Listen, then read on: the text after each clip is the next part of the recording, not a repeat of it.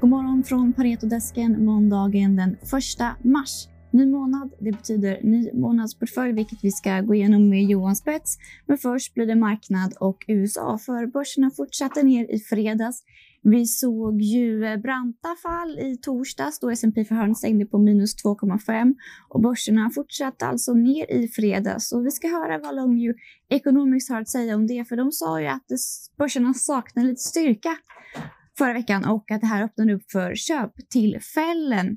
Good morning, Harry Colvin. Uh, we saw major sell-off last week and US uh, Treasury bond aiming for high levels. What's your comment about that?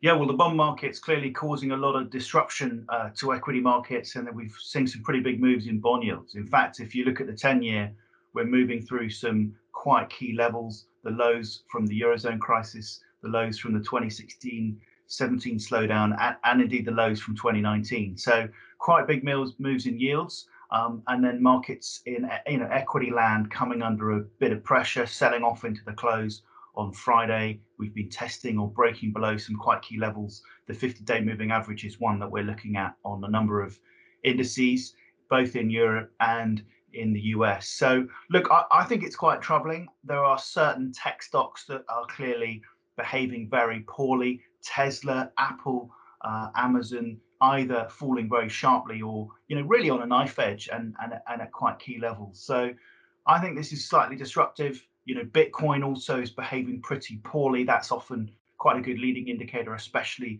at key turning points. So downward pressure is pretty high. Fear has has resurfaced. There was a bit of put buying on Friday.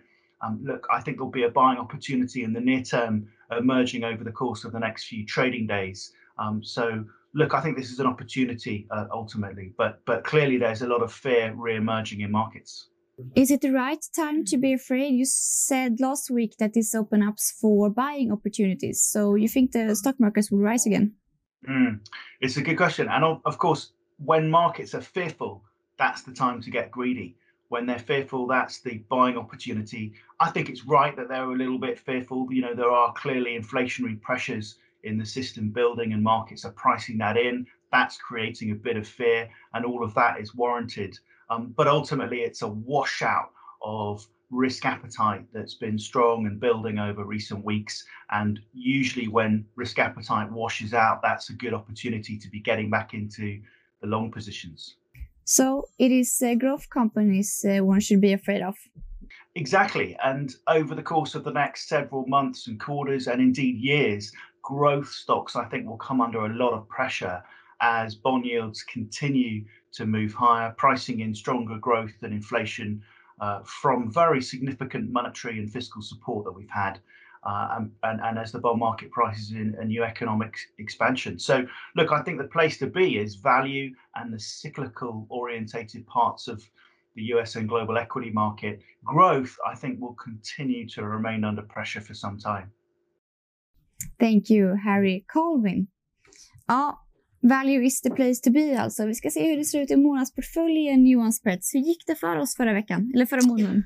Eh, februari var en stark månad. Eh, januari var ju lite trevande, men sen tog det fart lite bättre för vår del i februari. Eh, även om börsen generellt gick ju ganska likvärdigt februari som januari, upp några procent.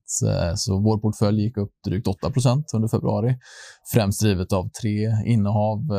IPC, så oljepriset, Mm. Um, Swedencare och Embracer som bidrog positivt. Sen var det lite mer blandat i övrigt, men vi, vi um, ligger kvar med en ganska oförändrad portfölj för mars faktiskt. Vi är bara ett byte som väl är lite av ett, ett skifte mot li, lite stabilare eh, innehav, även om det inte är något jättetydligt eh, tydligt sånt byte. Men vi byter ut stendörren mot eh, Millicom. Mm.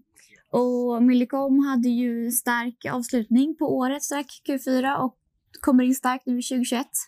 Ja, mm. det är ju ett, ett case som vi har gillat eh, ett längre tag och vi tog ut den eh, tillfälligtvis får man väl säga under februari månad just, men nu plockar mm. vi tillbaka den som ett av våra, ett av våra favoritcase på, på TMT-sidan. Mm, och vi har ju pratat med Millicom förra veckan så att eh, ni kan ju spana in det avsnittet om ni är intresserade av Millicom. Men som sagt, eh, stark Q4, kommer in starkt i 2021.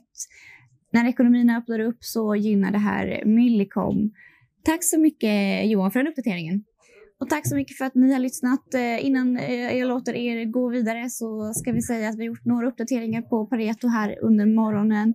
Vi eh, tar upp Lundberg till behåll från sälj. Vi höjer Cibus till köp från behåll och sen upprepar vi köp på Magnolia.